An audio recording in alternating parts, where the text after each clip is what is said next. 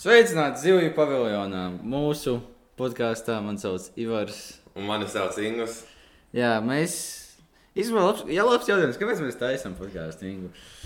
Nu, ideja ir diezgan viegla un diezgan saprotama. Um, pēc būtības mēs esam 21. gadsimta jaunieši. Un vienkārši gan arī, lai citiem būtu interesantāk klausīties, gan arī, lai mēs paši varētu attīstīt savu valodu, savas valodas spējas un savu spēju komunicēt un runāt, mēs veidojam šo podkāstu. Un būtībā tas sasaistīs kopā jebko, kas varētu interesēt gan mums pašiem, gan arī mūsdienu, atkal mūsdienu jauniešiem, un kas varētu arī varbūt interesēt gan jaunākas, gan eh, vecākas paudzes cilvēkiem, lai saprastu, kāds šobrīd ir dotais stāvoklis mūsu dzīvēs, un vienkārši lai izprastu vecākiem cilvēkiem, tas būtu jaunāko paudzi, un jaunākajiem bērniem tas būtu, lai izprastu, kādi ir, eh, kādi ir eh, tie lielie zēni no skolas. Nu, jā. Es nezinu, nu, tas ir ļoti skaisti pateikts, bet nu, es domāju, ka precīzāk mēs vienkārši runāsim par mums aktuālām tēmām. Un cerams, kādam tas interesē. Un, uh, nu, jā, nu, jums runāja par aktuālām tēmām, tad tiešām nevar pārskatīt Covid. Tieši Nu, tas ir, tas ir um, Nu, Covid ir. Divus gadus, nu, ne, ne divus gadus, cik tur sanāk, pusotrs gads. Pusotru gadu no mūsu dzīves tas ir mainījis. Like, es, pat, es pat nevarētu iedomāties, tagad iet uz sabiedrisko transportu un nevilkt masku. Nu, ja tā kādreiz, protams, būs, mēs jau nezinām. Jā, jā, tas ir dīvaini, kā tie uzskati mainās. Ja jau, nu, tieši, es, es kaut kad skatījos kaut kādu video, kaut kādam koncertam. vienkārši- Kāpēc visi cilvēki tik tuvu viens otram ir? Kur ir distance? Kur ir maskas? Kur ir divi metri? Nav divi metri. Nav divi nav metri. maskas, es neredzu dezinfekcijas līdzekļus. nav, jā, tas vajag dīvaini aptvert to, ka mēs tā vienkārši staigājām, apkārt klapājām viens uz otru, jau un visi, oh, nu, gripas Jā. laiks, nu, varbūt nevajag. Nu, jā, nebija, nebija tā, ka vienkārši kāds noklapojās un tad automātiski viņu izslēdz no, izslēdz, izslēdz no dzīves. Pēkšņi. Tu paklapo, ah, nu labi, nu gadās. Gripas sezona, vai ah, es esmu skolotājs, esmu mazliet apaugstējies. Man, es, nu, jā, viss labi, kārtībā, Jā, paliec. Un tagad deguns tek, un tagad viss saka, ka tev ir covid un skolotāji tev sūt, sūt mājās. Bet, Jā, nu. Oi, kā viss ir mainījies.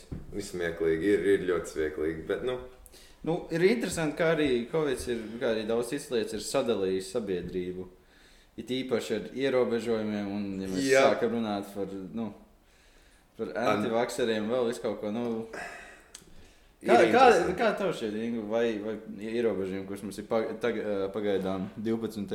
oktobrī, kā tu par tiem jūties?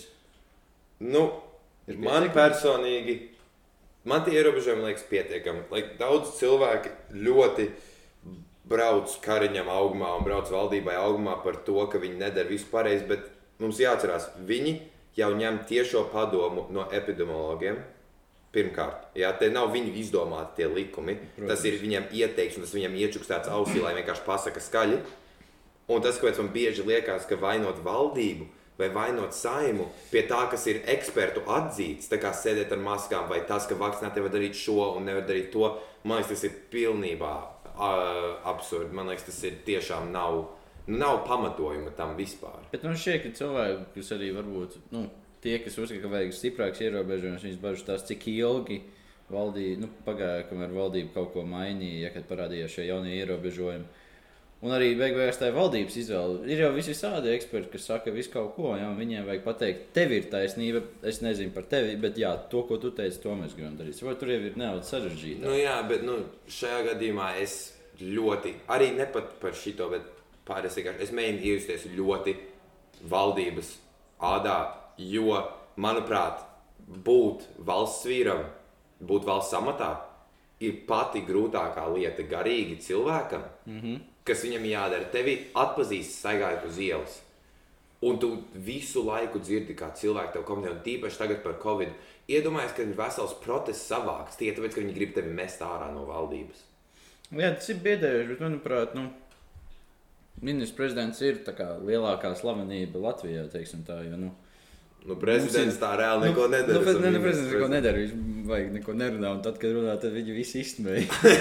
Tas ļoti gils. Nu, viņš jau, es nezinu, cik ļoti viņš cenšas. Nu, viņam nav jau ko, nu, es, nu, Viņš ar kaut kādiem papīriem tur čakarēs. Okay? Nu, jā, nu, viņ, nevaram- viņš formāli ap, apskata papīrus un, un ir kā, kā mūsu valsts seja arī ar to, ka visi zina, nu, faktiski jau ministrs prezidents ir arī tas, kas mums te vada lietas. Nu, jā, bet vienkārši šajā ziņā, ka nu, ir saprotami, ka visām slavenībā, slavenībām būs kaut kādi nu, cilvēki, kas viņiem nepatīk, ja, tā sauktie heiteri. Ja, un savā ziņā, nu, protams, ka arī ministrs prezidentam būs, un tā kā tas ir par valstiskām lietām, tad viņi būs ļoti, nu, ļoti aizstāvēs savus Nu, jā, nu, ļoti uzreiz tā reakcija ir asāka. Ja, tieši tā, tā. tā ir valsts, nav runa par to, ka kādam nepatīk tava mūzika, Tieši vai tā. nepatīk, kā tu, kā tu, kāds tu biji šajā izrādē vai šajā filmā, ja, Tieši kā, tā. tu, kā tu piedalījies. Jā, šī uzreiz ir runa par valsti, par, par visas pasaules pamat sadalījumu. Nu, tā reāli. Nu, valsts labi ied, nu, nevis valsts, pasaule iedalās kontinentos, labi, jā, tas jau ir geogrāfs. Mēs runājam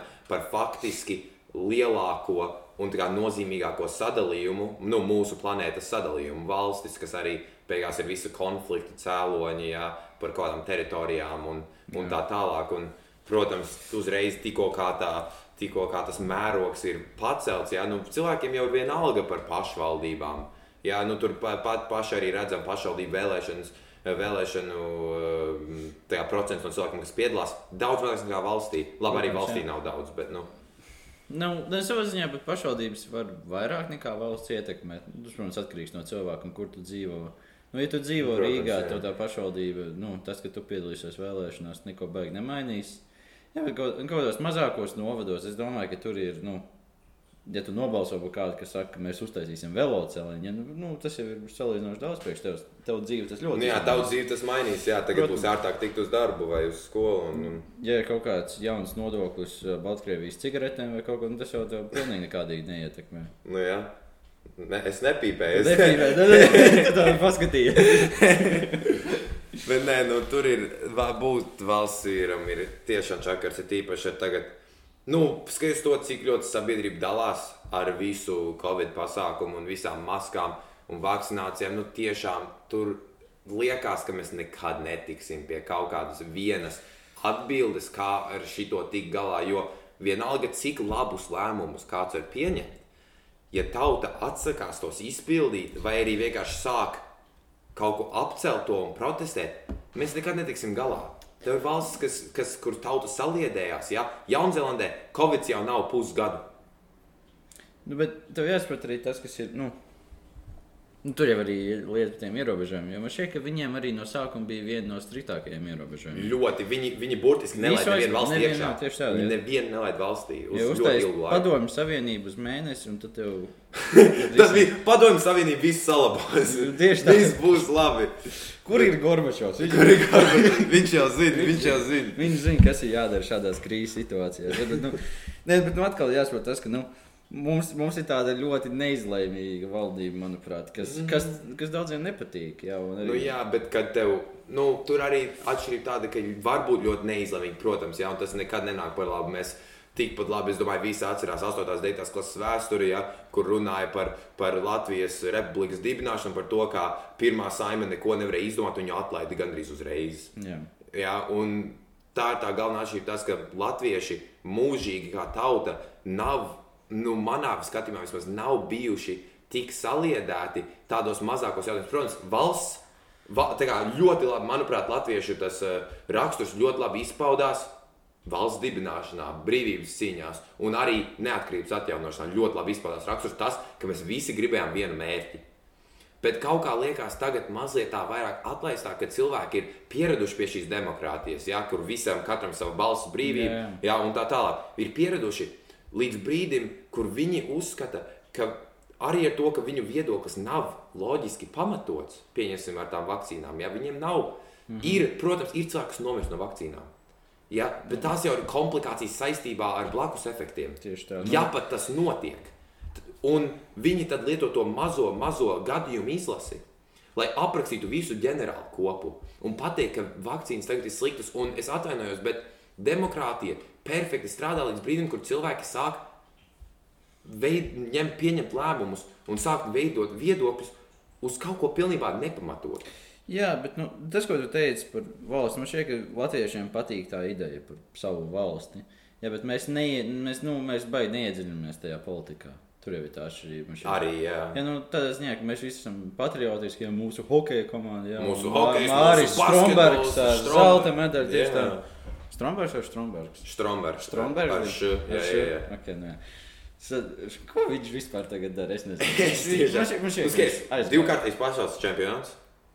Olimpiskā zelta medaļa. Jā, bet Viss tavs rezumē ir pierakstīts pilns. Tev vairs neko dzīvē var, nevajag. varbūt viņš ilgi centās. Jā, nu, varbūt, varbūt Arī, bet nē, nu, tiešām prieks bija par viņu. Nē, par nu, to, prieks, par to, ko viņš panāca. Bet, nu, jā, jebkurā gadījumā, nu, mēs esam ļoti par to valsti, bet, nu, kā tā pati valsts tiek vadīta, kā mēs redzam, nu, tas jau ir kā kaut kādos tur, nu, mums ir palicis, laikam, tāda revolūcijas garša mūsu visos, ja, kas, tā, kad ir revolūcija, ka, nu, tā, tu nonāc tajā varas pozīcijā, tu gribi vēl, ja, tu Tu centies gribi vēl, vēl, un tad, attiecīgi, tad- tu uzspied vēl vairāk to, ko tu gribi, tāpēc, ka tu, tu, Tu gribi vairāk mēs- varu. Jā. Un, kas ļoti bieži notiek, tu iebrauc kaut kādās korupcijas problēmās, un, Jā, tas- vadībās, un tad, vairāk, un tad tu vairāk uztraucies par to, paslēpt savus melus un savu nozagto naudu nekā par valsts vadību. Nekā, jā, nekā rūpējies par to, ka viss tagad aiziet tā kā vajag. Un Tieši tā. Nu, es, es tur nedomāju, atkal izpaužās tā kā mazāk tāds valsts gars, bet vairāk tāds personīgais labums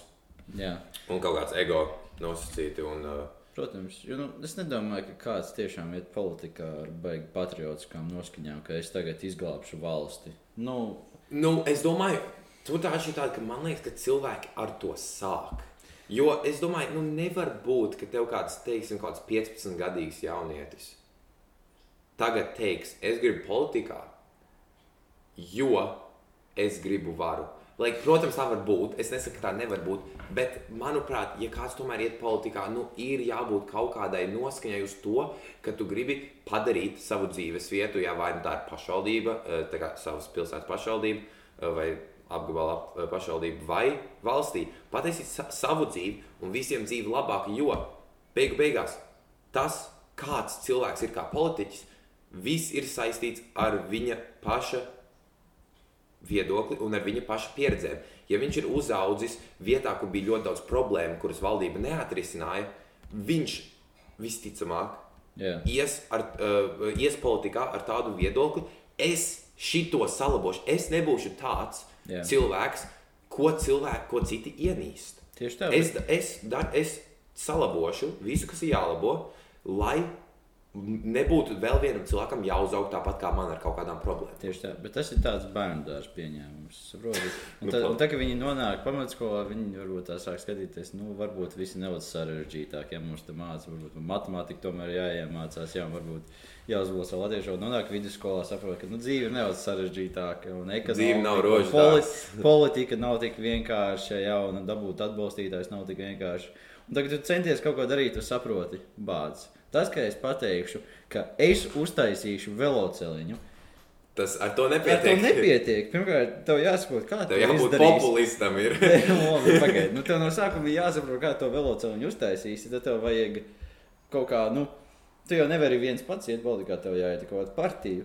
Tad tev ir jāpiekrīt tās partijas viedokļiem. Un tad tavi tie visi viedokļi, nu, višku Tiek mazliet tā kā tādi ierobežoti. Tā kā nav vairs tik plaši, cik varbūt bija pamatskolā vai vidusskolā, kur iedomājas par to, par visām foršajām lietām, Tieši ko tā. tu izdarīsi. Tieši tā, viena tāda lieta, ka nu, tās visas, to, ko tu nosauc tam, tam bērnam, būtībā viņam ir tāda ļoti tirāniska ideoloģija savā ziņā, ka viņš, viņš ieņems varu un viņš to visu izdarīs. saprot? O, ir jā, tas- nu, protams, Tur ir tā stipra dūra. Jā, tāpēc jau ir bīstami, ka šī tādi kāļi sarodas un tad izdomā uztaisīt apvērsumu, ja, kad nu, viņam šķiet, ka es varu vadīt valsti labāk. Jā, un tad, nu, Tad beig beigās mēs zinām, kas notika. Un... bet, bet vai tad, nu, viņam jau Nu, negāja viņš nebija traģiski, īsti. Nu, Nē, nebija slikti, bet vienkārši viņš to, uz to pastāvošo to iekārtu ļoti izmainīja. protams, bet, nu, Tā kā viņš, viņš nu, kā jau zem, zemnieku partijas pārstāvis, viņš gribēja agrāro reformu vēl vienu. Ja, bija jau 20. gadā, bija viena. Jā. Un tagad, nu jā, nu 34, nu veseli 14 gadi pagājuši. Nu labi, zemnieki, ja mēs esam zemnieku tauta, mēs visu forši, visu forši izaudzēsim un, un viss būs labi. Tad atnāk PSRS, maz, mūsu ulmanis neko neizdara un, un, un, un, Nu, un, un viss. Ko tu gribēji, lai viņš dara? Ko tu gribēji, lai viņš dara? Atkal. Atkal, ta, Es neesmu tā laika cilvēks. Man Jā, jā. nebija pieredze. Varbūt, ja es būtu dzīvojis 19- 1939. Eh, gadā, tad varbūt es būtu sapratis. jā. Bet, Bet- šobrīd man nav pietiekami liela vēstures zināšanas. Tas būs jāprasa Edvardam. Bet tad, tad ir jautājums, ko, šeit, vai Ulmanis mūsdienās, vai tāda pieeja, tirāniska pieeja atrisinātu šīs, nu, šo situāciju? Tā kā? Covid situācija? Covid situācija, jā, vai tāda autoritāra režīms atrisināt, jo vismaz, manuprāt, un es, es šo esmu pieminējis citiem cilvēkiem arī, ka nu, krīzes situācijās autoritārs režīms ir vislabākais režīms. Tev nav laika balsot par to un to, un tad klausīties, kā viens no, viens no saimnes dod kaut kādu desmit minūšu runu par to, ka, nu, Viņa prāt, ka Covid vispār nav problēma. Ja man ir citas problēmas, mums vajadzētu runāt par valsts budžetu. Nē, mums ir Covid, mums, mums ir tiešām Jā. problēma. Cilvēki mirst. Nu, te kaut ko runā par, oh, nu, es domāju, ka labklājības ministrija pelnījuši vairāk nu, finansējumu. Nu, on. Nu, jā, Saprot, tur ir tā jā, jā. problēma ar demokrātiju dažkārt, ka nu, nonāk pie, pat, nonāk pie teiksim, vispareizākās atbildes, iespējams, Teorētiski vispār. teorētiski vispareizākās, bet tas laiks. Nu, tas pamatīgi iegāž. Tas iegāž, un tur jau ir tā problēma. Tā, ka tu jau esi pieņēmis to visu, nu, tad jau ir pa vēlu. Tad vajag kaut ko citu. Un tad nu, paiet vēl mēnesis, kamēr tu kaut ko izdarīsi. Tāpēc, Nu, jā, nu, tas. tāpēc tā ārkārtas situācija, ko pieņem un kas dod valdībai nu, lielāku. Vai gan es pilnu, nu, es nezinu, cik daudz viņiem ir tagad pilnvaras ar to visu, bet nu, tā vadība, kas viņiem ir, nu, nu, ļoti palīdz izveidot un ieviest kaut kādas likumus vienā vakarā, nevis nu, tur mēnesi čakarēt. Jā, nu, tur jau arī bija tā sapulce, kas viņiem bija, kad tas bija pagājuši ceturtdien, Jā, kad bija izlēmts tieši par to, kas mums tagad ir. Viņiem tā sapulce bija no 3 līdz 1 no rīta. Jā. Nē, ne no 3. Pag... Nu, nu, kaut kas bija kaut kāda vēla pēcpusdiena, tā kā eh, priekšvakars. Līdz vienai no rītiem bija sapulce vienkārši no vietas, ja viss nekāda baigā uh, nedēļas ilga domāšana, ja kaut kāda vēl saimas sapulce jāsēž, nekas tam līdzīgs. Bet, jā, man būtu jāpiekrīt ar to, ka šajā gadījumā autoritārs režīms, jeb kādās šādās situācijās, un arī krīzes situācijās, ir tas labākais variants. Es saprotu, ka tas var palikt, var palikt traģiski, eh, situācija var palikt ļoti traģiska. Jā, Jā, nu. Ka vienkārši tas pēc tam tas uh, ievēlētais, nu, ne pat ievē, nu, ja būtu vai ievēlētais, ievēlētā persona paliek varā un nu, nevienam neļauj to sagrābt, jā, tas cits stāsts. Bet es domāju, uz doto brīdi, es domāju, ka Covid situācija būtu daudz ātrāk atrisināta. Protams, arī atrisināta ar demokrātiju, jā, tāpat kā Jā. Jaunzēlande, kā piemērs. Bet autoritārs režīms dabūtu to gatavu daudz ātrāk, jo nebūtu ilgi jādomā, nebūtu nekāda maiņa. Vienkārši pasaka, lūdzu, velc masku, distance, ja tu to nedari, ja man te būs, jo atkal, kā mēs zinām, autoritārs režīms, uh, autoritā, uh, autorita, di, diktators ir tieši tā persona, kas tiešā veidā pārvalda pār policiju, pār armiju. Jā. Nu, Ja tu neej pa ielu ar masku, policija tev savāc un aizsūta mājās. Uz Sibīriju. Uz- Prom, vagonā un uz Sibīriju. bet klausies, bet klausies, mēs jau nerunājam par tik agresīvu režīmu. Es vienkārši domāju, ka, nu, Būtu ātrāk pieņemt lēmumus. nu, nē, nu, nu būtu daudz ātrāk, protams, jā, bet arī jāatrod tas balans. Es pat nezinu, es pat nezinu vai vajag balansu tādā ziņā, ka, nu, ja pieņemsim, jums ir perfektā kaut kāda demokrātija, kur vis, visi iesaistās, visi nobalso kaut kādā, ja? Nu, Tad tu īsti nevari vainot to, ka nu, tavs viedoklis nebija vispopulārākais. Tev vienkārši jāsmienās to. Tu nevari kaut ko teikt. Nu, nē, tā nebija taisnība. Ja tie visi cilvēki ir idioti, nu, tad tu vari teikt. Bet nu, tie visi Balsts idioti dzīvo tajā valstī. Kā, nu, lai arī cik stūri viņi nebūtu, nu, tev jāpieņem pūļa taisnība savā ziņā. Tā kā tev ir, tā kā mums ir, ka Kariņš to pieņem, nu, tur, tas jau saka, nu, Kariņš to pieņem, bet kāds jau ievēlēja saimu, saimu ievēlēja prezidentu, prezidents izvēlējās Kariņu. Ministrs prezidents. Tieši tā. Prezidents izvēlējās ministrus. Nu, jā. Tieši tā, un tur ir tā lieta, ka nu, sava, mēs jau to izdarījām savā ziņā. Nu, es es Nu, jā, nu, nu, protams, tur ir, tur ir atkal tā atšķirība, ka cilvēkiem, es domāju, kāpēc viņi tik ļoti iebilst. Ja, nu, protams, te, tīri teorētiski tas ir mūsu, tā, ka, uh, Kariņš ir mūsu vēlēta persona. Jā. Tīri teorētiski amatpersona. Bet vienkārši es domāju, šajā gadījumā cilvēki uzskata, ka viņi var par to sūdzēties, jo tas ir noticis ļoti, ļoti netiešā veidā. Tieši tā. Un tur atkal ir tā situācija par dažreiz cilvēki vēl piemin to, ka ASV sistēma ir vislabākā. Tu ievēli gan senātu, nu, parlamentu, gan prezidentu atsevišķi.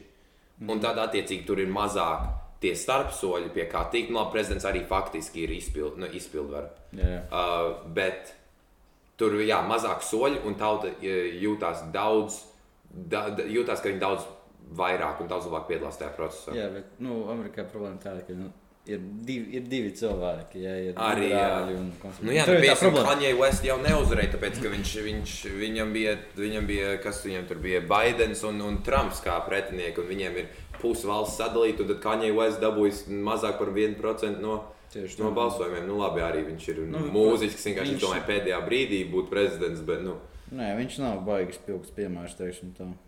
Ne, nu arī nepalīdz tas, ka viņam ir uh, bipolar. Tas, jā, nu, tas, ka viņš tas di- divi, divi cilvēki vienādi, teiksim. tā. Jā, pēc būtības. Bet man ir- komplekts. Nu, jā, visi cilvēki sarežģīti. Bet, jā, atgriežoties pie tā, ka, nu, tā ziņā, ka, ja būtu, piemēram, autoritārs režīms, kur viens cilvēks, sauksim viņu par Kārli, ir pie varas, nu, tad visi arī viņu vainos. Jā, ja kaut kas nepatīk, tu vaino to vienu cilvēku. Bet kas arī saprotam. Jā, Nu, protams, jā. tāpēc, ka tev nebija, nu, tev nebija nekāds izvēles. Tu nevarēji pateikt, Kārli, nedari tā, mēs gribam savādāk. Ja nē, viņš, Jā, viņš domā tā, kā viņ, viņš, viņš, viņš uzskata, ka viņš pārzina, kas ir vislabāk cilvēkiem, tautai. Jā. Jā, un bieži, nu, nevis bieži, tas vienmēr sakrīt ar viņa paša viedokli. Tas ir viņa paša viedoklis. Nu, labi, nav tā, ka ir reizes, kad es domāju, diktatori aizšauj tie greizi ar to, ko iedzīvotāji grib, bet bieži nav, nav tā, ka par diktatoru kļ- kļūs jebkurš. Bieži par diktatoru kļūst tas, kas tautā ir iemīļots cilvēks. Jā, un tad viņš kļūst par to, ko viņš kļūst. Manuprāt, bet, nu, bet saprot, tagad tu nonāc tajā varas pozīcijā, pieņemsim, tu atrisini Covid situāciju. Ja visi, Tad tas ir varonis. Jā, bet jautājums, vai tu tajā brīdī pateiksi, labi, es izdarīju savu, es braucu mājās. Vai arī tu Nu, jā, nu, tur turpināsi. iet cilvēka garīgais. Nu, tieši tā, tu jau to turpināsi to varu, un tagad tev nav problēmas, ko risināt. Tu, nu, vai nu sāc radīt problēmas, vai vienkārši nu, tu saki, nu, tā, kad nāks problēmas, es atrisināšu. Nu jā, At- vienkārši Atļaujiet tur- man posēdēt. Es, nu, būs. Jā, jā, būs, būs, būs, Būs- labi. būs ko darīt, jā. Redzējāt, kā es atrisināju Covid. Nu, jā, es to pašu izdarīšu. Tā kā būs vēl viena pandēmija pēc simts gadiem. Jā, tieši tā. Nu, varbūt ne es mans, mans bērns vai mans mazbērns. zini Kā, bet... Jā, nu, es, es nezinu, es domāju, ka pagaidām tas kaut kas, man patīk tur skarbāki tādi ierobežojumi, ka nevienam tas nepatīk. Bet, nu, dziļi sirdī tu zini, tā ir pareizā lieta. Jā, jo tur šobrīd tā lieta tāda, ka arī esmu dzird, es dzirdējis arī par, esmu runājis ar citiem cilvēkiem, ka viņi saka, ka viņiem nav problēma ar tiem ierobežojumiem, bet ir problēma ar to, cik ļoti sabiedrība tiek dalīta kā vakcinēti, nevakcinēti. Tā, jā. Ja tu paņemsi un vienkārši visiem uzliks tos pašus stingros nosacījumus, visi, protams, būs dusmīgi. Jā, oh, man jāvelk maska, oh, man tas un tas jādara. Jā. Bet, atkal, tā, kad tu saki, viņi zinās dziļi sirdī, ka tomēr šis tiek darīts, lai pēc iespējas ātrāk mazinātu Covid saslimstības gadījumus. Mm. -hmm. Un tas ir vislabākais, kas ir, jo tagad atkal vakcinētie, viņiem ir mazāk iespēja saslimt. Bet pārvedā viņi tikpat aktīvi, cik Nē, nu, nav tik pat nevakcinētie. aktīvi, ir mazāk. Tāpēc Knapi mazāk. Nedaudz mazāk. Tur nav, nē, tur nav. Viņi daudz mazāk var saķert paši. Viņi var saķert mazāk, bet, ja tev ir saķers mazāk, tev ir mazāk ko izplatīt. Tur... Nu, teorētiski jā, bet princips jau paliek. Nē, nu, tas- princips paliek. Nē, nu, atkal, tur jau uzreiz rodas tādas visas diskusijas par to. Un, nē, nu, to, ko teicu, mūsu valdība ir izvēlējusies pieeja, ka dabūt cilvēks vakcinēties, kas nu, man šķiet, ka ilgtermiņā ir pareizā izvēle tomēr. Jo, Nu, jā, ir, nu, bet- jo skaties, ja mēs uztaisām tagad lockdown uz, nu, nezinu, trīs nedēļām, kas notiks, nu, pieņemsim, samazinās eh, saslimstības rādītāji, ja pa kaut kādiem, nu, es nezinu, cik daudz, nu, ka mēs vienkārši nonākam atkal normālā līmenī un kad, nu, nav kaut kāda miljonu cilvēku nomiruši, saprot, tad, eh, tad tas atrisinās situāciju tagad, bet jautājums, kad būs nākošais vilnis, ko tad mēs darīsim? Un, un, un man šķiet, ka nu, tas, ko valdība cenšas darīt, ir vienkārši dabūt cilvēkus vakcinēties. Un, Nu jā, bet tur atkal tā problēma ir ar to, ka Latvijā mazāk par 50% vakcinēti. 51 tagad. 51 tagad? Tagad ir 51. Tagad 51. Nu, aug jau, saprotiet. Nu, Nu, es cilvēki- saprotu, ka aug, jā, bet tas ir atkal aug, tāpēc, ka tagad tev ir darba vietas, kur to Bet piespiež. vajag, bet vajag. Tu jau ne, cilvēki jau vien, nu, vienkārši es gribu vakcinēties. Tā jau pietiekami daudz tādu cilvēku nav pietiekoši jā. Tāpēc, ka nu, es, nezinu, es nezinu, vai kā, nu, tā bieži ir latviešu kultūrā, bet nu, var redzēt, ka nu, cilvēkiem ir vieglāk izvairīties no nu, kaut kādiem faktiem, no, no taisnības un vienkārši nu, izlikties, nu, nu neizlikties, bet nu, vienkārši nu, iz, izvairīties no faktiem, izvairīties no zināšanām. Tāds vienkārši Nu, ignorants, ignorēt ir- faktus un nu, dzīvot tā, kā tu dzīvo. Teikt, nu, jā, es nezinu, ka tāds mēs ir. Es esam- neesmu par to dzirdējis. Saprot, nu, tāds. Mēs esam um, vēsturiski tāda pieticīgāka tauta, kas uh, varbūt nesamierinās ar kaut ko, bet ir tā, ka tāda dzīve, kāda mums ir, ja mums viņa patīk, mēs neko negribam mainīt. Ja tā problēma tiešā veidā mūs neskar, Jā. Jā, pieņemsim, tā kā es domāju, te, nu, labi, es, protams, nezinu, vienu cilvēku, kuram tā ir, bet pieņemsim, cilvēks nevēlas vakcinēties. Kamēr viņam nav covid, viņam ir viena alga. Mm -hmm. Jā, jo viņam patīk dzīve, kāda ir, un tagad kādēļ man tagad iet vakcinēties, jā, lai man roka sāp, vai man ir temperatūra vai kas. Kāda jēga man tagad to darīt? Jā. ja manuprāt, ja, no, ja manuprāt, man dzīve iet ļoti labi, un ja es neesmu saķēris, it īpaši pusotrs gads jau pagājis, ja es neesmu saķēris Covid līdz šim, tad kāda iespēja, ka es viņu saķeršu arī pēc, nu, tā kā turpmāk. Tieši tā, jā. Un tur ir atkal tas, ka vienkārši dzīve ir laba. Ja, ja dzīve nav laba, protams, Latvieši ir tādi, kas cīnās. Ja, cīnās, kamēr dabū to, ko grib. Bet, ja mēs esam apmierināti, mēs negribam neko mainīt. Un tur izpaužās tas konservatīvais ļoti. Izpaužās konservatīvais, ka mēs neesam gatavi pārmaiņām. Mēs nevēlamies bieži pārmaiņas, izņemot, ja mēs neesam apmierināti. Ja mēs neesam apmierināti, tad mēs esam stūrgalīgi un taisni ielecam problēmā iekšā, ja neatkarības atgūšana neatkarības iegūšana pirmkārt.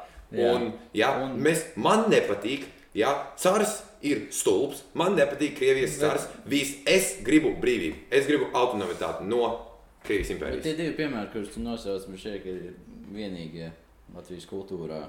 Vai tu ne? Nu, Es- tu, es no tur skat- tādi, ka bija sacelšanās arī pret vācu mužģiniekiem. Tagad Latvieši bija kāds Tas galvenā zemnieka nu. Visu laiku kaut kas ir, protams, nav bijis tas spēks. Un arī atkal mēs vēsturē mācāmies ļoti daudz par latviešu inteligenci. Ja? Mm. Jo tas bija tas galvenais pavērsienu punkts, kur mēs sākām apzināties, ka mēs nebijām izglītoti pirms tam. Mēs bijām parastie zemnieki. Un mums nebija ne gudrības, ne arī spēka. Un, kā, mēs nebijām vienoti. Mums nebija ne spēka, ne gudrības, lai tagad cīnītos pret kaut kādiem spēkiem, kas, pret, kas vērsās pret mums. Jā. Latviešu inteliģence sākās, jā, nu, dzimbušana ir atcelta. Visi iet studēt un lielajās Tērbotas universitātē, jā, kas tur barons un, un Valdemārs jā. universitātē. Jā, Sanktpēterburgā vēl cilvēks sabrauc, nu, var sakot, izbraukāja, samācījās gudrības, jā, izprata dzīvi, publicēja laikrakstus, lai cilvēki var apiekties, kas ar viņiem notiek, kādu dzīvi viņi dzīvo un kas notiek apkārt pasaulē. Ja tu esi zemnieks kaut kur zemgalē, tu jau nezini, kas notiek Vācijā vai Tieši kas tā. notiek Francijā. Tu nezini, jā. tu, tev ir savs šķūnis, tev ir sava māja, tev ir sava pirtiņa. Tava dzīve rosās ap trīs ēkām, un ik pa brīdim kāds nobrauc garām ar, ar, ar karietu un zirgiem. Bet, nu, bet saprot, jautājums ir, vai tāda dzīve ir slikta? Manuprāt, vienkārši nu, dzīvot savā nostūrī, savā Atkal, tā, nav, burbulī. tā nav slikta dzīve. Bet, tā. Un tu, bet tu nevari vainot to cilvēku tajā momentā. Tur jau rodas tā problēma, ka nu, savā ziņā tie cilvēki, kas to visu ignorē, nu, viņi jau izvairās no tā visa stresa un tā visa, ka mēs ejam cauri. nu jā, bet Varbūt atkal, tam ir sava taisnība. Tu taču ir tāda, viņi jau atkal viņi nezināja, Jā, kas notiek visur apkārt. Nu, teikt, kādā situācijā viņi ir. Viņi nezināja. Un tieši tā, bet nu, Viņi, tas ir kāpēc viņi bija priecīgi par dzīvi. Ja? Ne, es nesaku, ka tā dzīve bija slikta. Es saku, bija laba dzīve, viss bija labi. Bet tikko viņi uzzināja, kur viņi patiesībā ir, tas jau izveidoja to neapmierinātības sajūtu. Un tas ir arī kas bija tas galvenais spēks, kas mums palīdzēja, lai iegūtu neatkarību. Jo mēs zinājām, ja mēs uzzinājām, kā lietas notiek Rietumē, Eiropā. Un Jā. mēs uzzinājām par to, kā, ka vispār Krievijas impērija, cik slikti nu, bija daudzās citās vietās, ka mums ir vienkārši palēmējies. Ja? Un mēs sapratām, nē, mēs esam Latvijas valsts, mēs gribam brīvību, mēs gribam autonomitāti no mm -hmm. Krievijas impērijas. Un tur ir tā atšķirība. Kamēr dzīve ir laba, kamēr mēs nezinām vai ignorējam faktus, mēs neko nevaram darīt. tieši tā. Tikko kā tu saķersi Covid, tad uzreiz tu, tu tāds, nu jā, nu, nu veči jāvakcinējās, Covid nav forši, man bija temperatūra, es, es divas nedēļas sēdēju mājās un nebija forši. Nu, Nu, jā. Nu, Tas ir tāds nu, moderns covid parasti sasaistīts. Nu, jā, bet, nu, skaties, tāda dzīve ir pat ļoti forša. Un pārsteidzoši forši vienkārši dzīvot un izvairīties no tiem visiem faktiem, kas notiek Protams, jā. Jo, nu, piemēram, es, man pēdējā laikā parādījusies tāda lieta, ka, piemēram, tagad lasu ziņas, man tāds pagaidi, tas ir viss. Kāpēc, kā- kāpēc pasaulē nedeg? Ja, kur, kur ir? Nu, tas ir kaut kā prasās kaut kādu. Kur ir viss tas sulīgs? Kur ir? kur Kur ir? tas- Ne vienkārši, nu, ir momenti, kad bija kaut kāds moments, kad ir, viss ir sūdīgi pasaulē. Ja? Nezinu, Jā. Austrālija deg, tūlīt būs trešais pasaules karš. Pareizi. Jā, jā. vēl viss kaut- un tu vienkārši lasi ziņas, un tu saproti, ak, Dievs, kas notiek. Ja? Bet, nu, Un tad tā pārēšas par ikdienu, un tad tajā brīdī, kad tas Nu, tajā brīdī, kad apstājās. tas apstājas, nu, tāds pagaidi, nu, kas Nu, par ziņām? Nu, ka, nu, forši nu, kaut kāda paga- lāča izbēga. Nu, ko tas Jā, pagaidi, pagaidi. Haitī nav, nav zemestrīce. Japāna, pusi no Japānas nav iznīcināta no tsunami. Ak, Dievs, kas, notiek? Kas notiek? Kāpēc, Kāpēc- kāpēc tas tas ir normāli? Jā, Jā. jā. tāda dīvaina lieta, ka nu, tu Un pierod pie tā visa. Un tad tu, tā kā, tu, tu esi gatavs, ka tu atvērsi ziņas nākamajā rītā un izlasīsi kaut ko sliktu. Vai kaut ko, nu jā, vai kaut kas vienkārši liecina par to, ka mūsu pasaule iet postā. Jā, Jā. mūsu, mūsu dzīve tūlīt mainīsies. Trešais pasaules karš ASV pret Irānu. Jā, un, un, un, un, Nu jā. uh, tur ir. uh, Tur ir baigi tā, Nē, nu, šaubīga tā situācija. nu, Nu, Labi, arī ja būtu trešais pasaules karš, es domāju, ASV ir tik daudz to sabiedroto, un tad Irāna viena pati tur tup, nu tur nebūtu labi Ne, Irānai. nu, nebūtu. Tur, tur bija. Tāpēc Irānai jau nav draugu. Jā, viņi vien, Irāna viņi pie pusdienu galda viena pati Viņi ēd. pie, viena pati ēd pie pusdienu galda. veģetārās pusdienas. Jā, nekādu cūku, neko. Tieši tā. Jā, un, un, un nu, tur, jā, tur Irānai saprot, viņi pat nedraudzēs ar nē, kaimiņiem, pagaid, austrumos. Pagaid, bet Irānā ir, ir nafta. Kaut, kaut, Ir, kaut kas ir, viņiem ir, jā, kaut bet kas viņiem Bet ir. viņi arī zog Viņiem- tos tankerus un vēl kaut ko. Tādi višku nejaut. Es, es, es zinu, bija kaut kad um, uh, ziņas par to, ka viņi nozaga kaut kādu kuģi. Nu, Ā, naftas jā, jā, jā, jā, jā, vienkārši jā, jā, jā. "O, Tas ir mūsējais. Jūs bij- bijāt mūsu ūdenī, kurš, kurš atrodas. Ā, tas tas ir dabū." mūsu tagad, jā, Jā, jā, un jautājums, nu, kāpēc viņi to darītu? Man šķiet, ka viņiem ir nedaudz problēmas ar naftu. Viņiem ir, bet viņiem nav infrastruktūra. vai- Jā, nu, tur taču atkal, tur atkal viss tā problēma visām tādām tuvu austrumu valstīm. Tikko kā nav nafta vairs, jā, vai tikko kā ir kaut kāds aptrūkums, pirmkārt, labi. Ja, kaut, ja Saudārābijā pēkšņi nebūs nafta, tad visas pasaules naftas cena vienkārši uzšausies uz augšu. Jā, Bet uh, arī tur taču tāda, padomā, kāda viņiem, kāda tur ir daba. Un ko no tā viņi, viņiem nav, nu, Irānai varbūt vēl jā, bet Saudārābija viens liels tūkstnesis. tieši tā. Bet... Viņiem, viņiem, ja viņiem nav naftas, viņiem nav naudas. Viņiem visa ekono, ekonomija ir uz to, ir uz to, pamati ir nafta. Un viss, kas viņiem tagad ir, jā, tas pats arī mēs geogrāfijā mācījāmies par, eh, par, par Dubaju. Jā. Tā ir visa naftas nauda. Vai visi ir Labi, naftas tagad arī nauda, bet- turisms, protams, jā, bet tā kā pirms tam mēs paši teicām, Zvejnieku pilsētiņa atrada naftu. Un Tagad augstākie, tagad- augstākās ēkas pasaulē. Jā, bet nu, atkal jāsaprot tas, ka nafta arī ļoti bieži izraisa daudz problēmas. Ja tajā Sudānā man šķiet, ka tur viens no galvenajiem iemesliem, kāpēc viņi tur aizvien šaudās, bija nafta. Iespējams, es varbūt Nu, tur atkal man kā. Bet nu, tur ir tā lieta, nosauc, ah, bācis, nē, mums ir izņēmums. Tu- Nu, nu, skaties, nav jau daudz valstis ar naftu, kas nav ar autoritāru režīmu. Teiksim tā. Nu, ja tev ir nafta, tad tev vajag vienu cilvēku pie varas. Tu nevari Jā. demokrātiju, kur sāk dalīt to naftas naudu. Nē, nu, skaties, nu, tur ir vajadzētu, ja, tu, ja mēs runājam par to, tad vajadzētu frāzēt mazliet sāk, jo tev ir arī valsts, kā piemēram ASV un Kanāda, kur ir nafta. Vienkārši nav, tas nav liels īpatsvars. Tur tā Nu, tieši tā, nu, bet nu, vienkārši okay, valstis, kuru, kuru galvenā ekonomijas sastāvdaļa ir nafta. tieši tā. Tad tur ir tikai autoritāri. Tur pagaidi Venecuēlā jau Venecijā tur, ir. Tur viss vairs nesaprot, tur kas tur nav notiek. valsts nepastāv. Es nezinu, kas tur notiek. Tur ir- vienkārši tukša zeme tagad. vienkārši. Jā, viņi, viņi, viņiem drīz nāksies dedzināt savu naudu priekš. It kā bija brīdis, kur it kā viņiem bija demokrātija, bet tad laikam, kas tur viņiem tas tur ministru prezidents vairāk kā ko varu uzņēmās. Nē, nē, nē, tad sāk bija- kaut ko baigi mainīt. Es nesaprotu, kas tur notikās. Nē, iepriekšējais prezidents vai nu nomira, vai vienkārši viņam beidzās termiņš. Viņš bija baigo, baigi labo valstu uztaisījis, bet viss balstījās uz naftas. Un tā, kad naftas cenas sāka krist, arī viņu valūta sāka Ah. Oh, jā, viņiem tur vispār tā tur inflācija. Tā inflācija aizgāja tik traki, un tas jaunais prezidents uh, Baigi neko nepalīdz. pilnīgi neko. Nu jā, nu pagaidi, ja tev valstī iedzen, iedzen tādā bedrē, tad nu ko tu tur baigi vairāk Nu, izdarīsi? jā. Nu, savā ziņā nav jau tā, ka nu, tur ir traģiski, bet jautājums nekas jau nepazūd. Tādā ziņā tu vienkārši nu, valūta zaudē vērtību, bet nu, mājas tās pašas, kas ir aizvien tur ir. Tā Nu, kā jā, nu, tehniski tur, tur, vajag tur tikai kaut tā apkope. Nu, Nu, protams, ja cilvēkiem nav naudas, tad nu, kāda, cik tur sanitāri reāli var būt, ja mājas, ja mājas sabrūk. Vai, nu, protams, koks uzgāžās uz mājas, tu nevarēsi salabot. Tieši tā. Tev nav naudas tam. Nu, tur, nu, labi, tur, protams, nav tā, ka vienkārši tikko kāda valstī naudas nav, tad viss degradējas. Bet, uh, principiāli jau laika, laika gaitā, piecu gadu laikā, tev mājas neizskatīsies. nu, Tev mm. -hmm. dzīvojamās vietas nebūs tādas, kādas viņas bija iepriekš. Jā, bet es, tagad iedomājos, mēs par to runājām. Par... Man šķiet, ka Norvēģijā vai Zviedrijā arī ir naftas rezerves. Šķiet, Jā, jā tur ziemeļu, ziemeļu, Ziemeļos ir.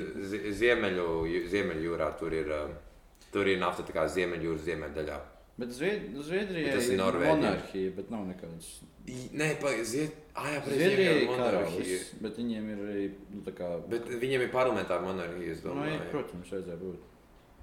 Viņi Norvēģija, Norvēģija jau arī ir parlamentāra monarhija, Dānijas pats. Jā. Nē, Dan... Dānijā ir. Jā, Dānija ir Ir parlamentāra ir. monarhija. Nu, jā, Nē, vienīgās monarhijas, kas tā reāli ir, ir atkal tie tuvie austrumi, to tur viss tie šeit un tā tālāk. nē, nu, tā tos autoritāros monarhijas. Bet arī tur ir interesanti. Nu, Mēs visai ģimenei vienkārši pieder valsts. Tas man šķiet. Tas interesanti. būtu baigi forši. Starp citu, Monako ir uh, būtībā valsts, kas piederēja vienai ģimenei. Nu, Būtībā nu, veids, ka viņi nopirka zemi. Ja bagāta ģimene, un tad viņi pateica, Francija, mēs negribam būt ar jums, mēs taisām savu valsti. Tas, tas kā Monako tika Nu, izveidots. būtībā, jā. Nu, viņi atdeva kaut kādu daļu no zemes atpakaļ, un tad viņi, Francija teica, labi, mēs liksim jūs mierā. Ah, Jā, un tā arī viņi izveidojās, viņiem radās problēma tāda, ka neviens tur negribēja baigi braukt, jo kāda atšķirība. Vienkārši. jā, tā ir, tā ir Francija vienkārši ar citu nosaukumu. Tieši tā, un tad viņi atrada to, ka visi tur aizliedz uh, šos kazino un, un, un, un fe, fe, feņķus nedrīkst taisīt. jā, jā, jā. Nē, vienkārši viņi tur atļāva, viņi pazeminājuši tos nodokļus. Man šķiet, ka vienā brīdī tur vispār nebija nodokļu nekāda. Tu varēji. Jā, tur bija baigi maz. Tur Baigi baigi, maz, baigi maz bija. Jā. Nu, atkal viņi būtībā izveidoja tādu tā kā būtībā tādu. Nu, savā ziņā, nu, jā, nu, utopija priekš cilvēkiem, kas negrib maksāt nodokļus. Bet, nu, jā, Viņi grib, viņi grib visu savu naudu Nu, iz- ie- iztriekt, jā, iz- kazino, jā. iztriekt, jā. nu, tagad Un tagad tur jau arī tu, mm, F1 tur noteikās. Jā, tur viena trasa ir. tur ir, jā, jā, tur ir tā trasa. A, bet tur nav viņa tā kā baigi līkumaini, sanāk, kas liek Monako jau nav baigi liels. Un, tad, ja es skatos Viņa šaura un ļoti līkumaina. šauru un līku, nu, tad tur es mīnu, ka tur cilvēki triecās sienās visu laiku. Vai... Jā, šogad neviens neatrodas sienā. A, Pašās, nu, pašā sacensībās, treniņos un kvalifikācijā bija kaut kādi trīs sarkanie karogi. nu. Nu, sarkanais karogs nozīmē, ka kāds iebrauc sienā, mēs nevaram visu novākt, visi brauciet iekšā pitos un tad, tad atkal atsākt no jauna. Jā, jā, jā. Jā. Kā, jā, nu, nu, Jā, jā. jā, nu, ja tev ir šaurs, tad, protams, viena mašīna kaut ko mazliet salūst, tad tur neviens gan nevar apraukt apkārt. Tieši tā. Bet, um, bet jā, nu, tur jau dzīvo vis, būtībā visiem F1 braucējiem. Monako ir māja un, un, un arī daudzām citām slavenībām. Es nezinu, kā tur ar slavenībām tagad ir, bet no kaut kādiem tādiem bagātākiem cilvēkiem ir. Nu, nē, nu, tur ir. Um, es, ne, es neesmu mazliet, bet nu, atkal es, nu, no futbola skatu punkta Monako ir tā sava komanda. Jā, Jā, viņi spēlē Francijas kā, augstākajā futbola līgā. Viņi arī uzvarēja pirms kādiem četriem, pieciem gadiem. Tur stabili, tad tur arī dzīvo daži bagāti futbolisti, Noteikti, kas jā. spēlē tur komandā. nu, ja tev ir jahta. Tad, tad, tad, tad, Tad tad, tev ir arī dzīvoklis ka vienkārši tā arī tas ir. Nu, tur jau arī tas, ka tev, nu, tev vajag arī to, mm, kā to sauc. Nu, tā kā tā ir valsts, tev jau vajag arī tur kaut kādu pasi vai arī, nu, Bet- Kaut kādu, kaut kādu pilsētu, nu, bet viņi Pilsonība tev viņiem vajag, jā, jau- jā, bet, bet man, viņi dod tā kā kādreiz te deva, ka tu, ja tev ir nu, īpašums, tad jā, tu mūs esi iedzīvotājs. Jā, nu nē, atkal, jā, tur tā lieta tāda. Tik maza valsts un galvenais iemesls, kā teicu, kāpēc cilvēki tur ir. Maz nodokļu, kazino. Jā, nu tagad Un kas F1 nav, nu, kas nav vairāk, tur nav, un F1 nu, nav svarīgākā daļa. Nu jā, bet, nu, tā kā, nu, sākotnēji, jā, un tad, Jā. protams, nebija. Es šaubos, ka tur bija cilvēki. Nu, labi, tur ir tur cilvēki, kas tur dzīvo visu gadu, bet es domāju, vairāk cilvēku tur brauc atpūsties vai brauc. Un tur jau arī mm. Francijas dienvidu, tur jau labi laika apstākļi gandrīz visu gadu. Nu, nu, nē, ir labi apstākļi visu, laika apstākļi visu gadu, bet nu, ne, ne tā kā kaut kādā tur, kaut kādās ekvatoriālās zemēs. Tur, tur jau. Tur jau varētu būt labi dzīvot tādi vidēji bagātiem cilvēkiem. Nu, ne, ne kaut kādiem baigajiem miljonāriem, miljardieriem, bet nu, vienkārši, ka nu, tu. Kā ļoti turīgi vārds sakot. Nē, nē, bet nu, tur jau arī tāds, nu, nu tu nevari būt. Es pieņemu, ka tur nu, nav daudz bombuļu, es pieņemu Monako. Bet, uh, Nu, es minētu, ka Es nē. minēju, jā, bet tā es zinu, ka nu, tāds viņam tur nu, salīdzinoši, nu, nu, tāds cilvēks, kas nu, normāli pelna, var pārvākties uz Monako un tur ģimeni veidot. Nu, tur vienkārši būs lētāk, nu, vieglāk vēl vairāk naudas nopelnīt, es domāju. Jā, tas gan ir. Jo, nu, vispār šīs mazās valsts baigi interesants ir. jā, ir in- interesanti, kā viņas vispār rodas. Jo, nu, Te ir, tā kā, te ir tādi kā Liechtensteina, kas reāli. jā, kas, kas De- viņiem ir? Viņiem Es, es, nu, teorētiski viņiem ir monarhija pirmkārt, tā kā valsts viņiem iekārta, man viņiem karalis. Monako arī ir. Monako, Monako, jā. Un uh, es tur, nu, es vispār ne, es nezinu. pat nezinu. Tas būs jāprasa zinītē par to, kā, par to, kā pateikt, jo es tiešām nezinu. Bet, um, bet nē, es Liechtensteinā biju pirms septiņiem gadiem. Jā. Nu, mēs, mums sanāca braukt cauri. Jā, tā kā man vecāki vienkārši paprasīja manam, manam brālim, vai jūs gribat braukt uz jaunu valsti. Jā, nu mēs bijām Ā, tajā brīdī Šveicē. Un mēs tā, un mēs tā, nu, ok, jā, labi. Un tad mēs pabraucām, izbraucām, un tad pabraucām kādas, cik tur, 10 minūtes uz Vaduzu, kas ir galvaspilsēta. Jā. Jā, pastaigājāmies 15 minūtes, 10 minūtes otrajā virzienā, un īstenībā mēs bijām izbraukuši cauri visai valstī. Jā. Un man tāds, ah, nu labi, forši. Jā, un tad apstāties kartē, man liekas, mam, mēs tikko bijām vietā, kas neeksistē. Viņa tāda, nē, redzi, kaut kāda mistiska maza pultiņa, punktiņš, jā, kur es pat nebiju pamanījis, kad es skatījos kartē, kur mēs esam. Un tā bija Liechtensteina. Un es domāju pie sevis, kā pie velna. Šī, Šī šī, jā, jā. šis ir, šī, ir, šī ir kļuvusi par valsti. Kā? Vienkārši pieskaidro, nu, like, kā, var, kā varēja visas šīs, like, protams, robežojas, kas ir ar, ar ko robežojas ar Austriju, ar Vāciju un ar Franciju. Un ar š... Nē, ar Šveici, nē, tā kā Šveicē bija jābrauc cauri Francijai. Jā. iekšā. Francija, Vācija, Austrija. Trietā viņi nevarēja sadalīt šo mazo placīti, un kaut kādā mistiskā veidā, protams, tur ir arī vēsturiska nozīme. Ja, ja tev ir monarhija, tad bieži arī kaut kāda vēsturiska sai- saistība Jā. ar to visu. Jā. Mans minējums ir kaut kādā veidā no, no tā, kad Vācijas veidošanās, ka tur vienkārši Jā. palika pāri kaut kāds gabals. Es domāju, ka kādi mūžnieki vienkārši oh, nu, varētu valsts Nu, jā, nu varētu, zināt. Varētu. Nu, mums te tik daudz darbinieku mūsu, ja, ka mēs varētu savu valsti uztaisīt. Tas jā, pats ir. baigi traki. Ka... Nu, Luksemburga ir mazliet lielāka. Luksemburga tur, Luksemburga tur jau arī, ah, tur jau arī monarhija. Jā, Jā, jā, tur jā. arī monarhija ir. Labi, vismaz tās valsts monarhijas. Bet, Jā, eh, nu, nu, un, un tad ir. Man šķiet, ka tagad vienīgā uh, teoloģiskā monarhija. Kā, kā, kāds bija tas nosaukums? Vatikāns. Teoloģiski. Teoloģiski. Dievu tā kā saistīts. Tā, varbūt. Nu, Vatikāns. Vatikāns, jā. Ah, pareizi, Itāl Itālijā jau ir divas. Divas ir San San Marino. Marino. San Marino! viņi, brāvēs, es nesaprotu, ko viņi dara. Viņiem ir futbola komanda. Viņus Anglijā Viņi- izrāza 9-0 vienreiz. Jā, viņi Eirovīzijā arī piedalījās. Ap, vai ne? Viņiem taču bija Flowrider, ne? Jā, viņiem bija Florida. Kurš nav no arī- San Marino?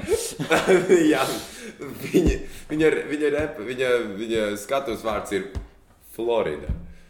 Nu, Kur tur ir San Marino? Kur tur Kur ir San ir- Marino? Es neredzu. Kur tur Florida nav San Marino. Murti nav tie paši, jā, kaut kas tur Viņš neiet. Bet nē, viņa bija baigta labas dziesmas. though. Ag- Agrējos div- 2010. Oi, gados. nu, nevajag. Welcome to my house. Viņa Nevajag. baigi. ne- Es nezinu, es baigi daudz klausījos. Nu, ne baigi daudz, bet es ļoti daudz klausījos vienu to pašu dziesmu visu laiku no viņiem.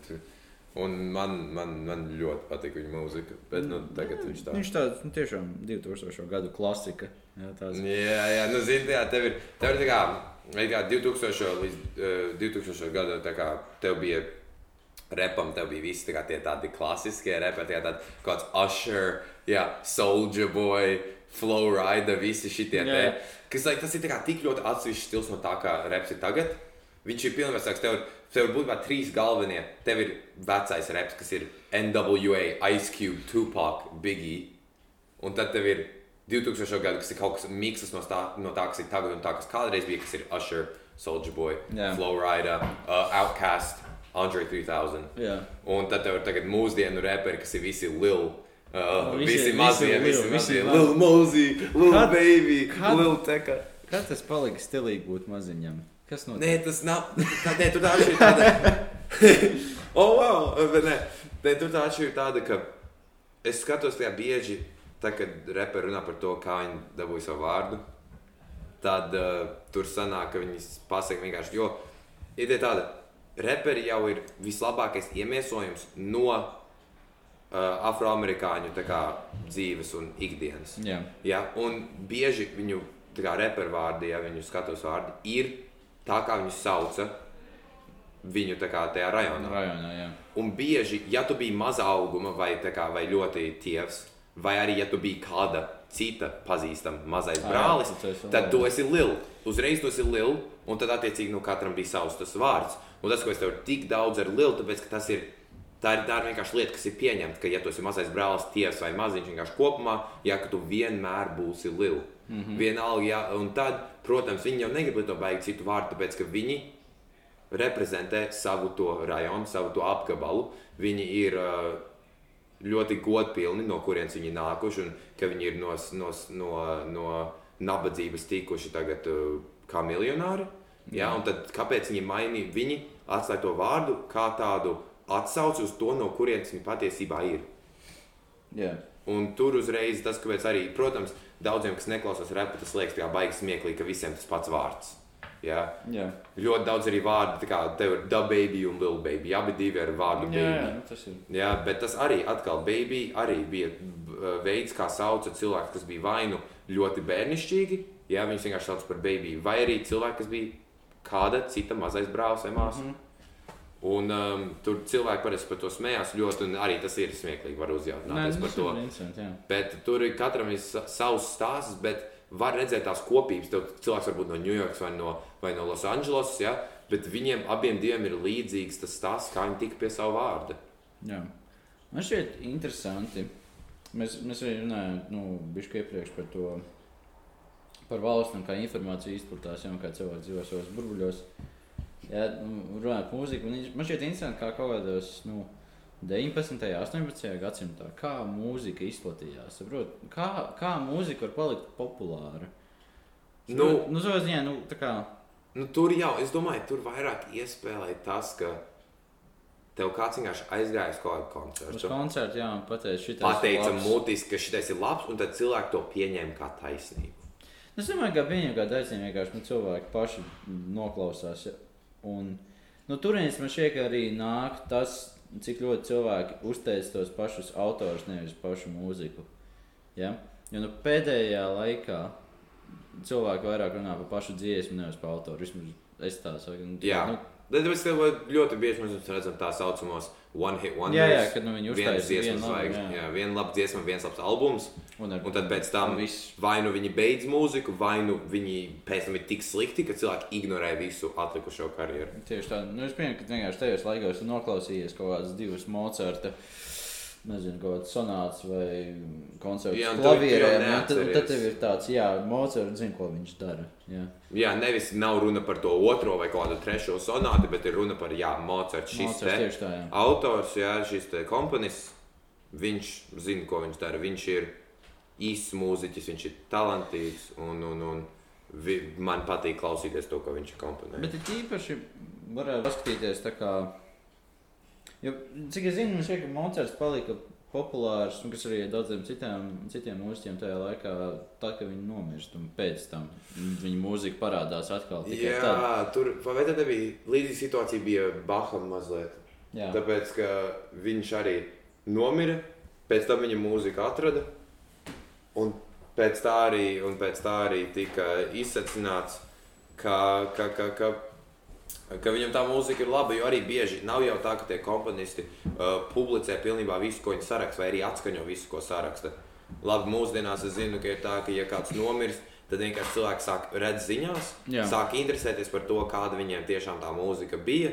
Ja, un Jā. tad pēkšņi, jo arī ir, ir mm, cilvēki ir skatījušies Spotify, cik daudz reizes klausās, cik, cik apmēram cilvēki klausījušies to autoru. Jā. Bieži dienā pēc nāves Uzreiz dubultā. dubultā, Dubul, jā, jā. es nepaspēju, dubultā Ir tas, ja, ja iepriekš viņiem bija kādi divi miljoni klausītāji, tad tagad viņiem būs četri līdz pat desmit varbūt. Bet tas ir tāpēc, ka, nu, piemēram, man tā bija situācija, tā, kad uh, XXX tentācija nomira.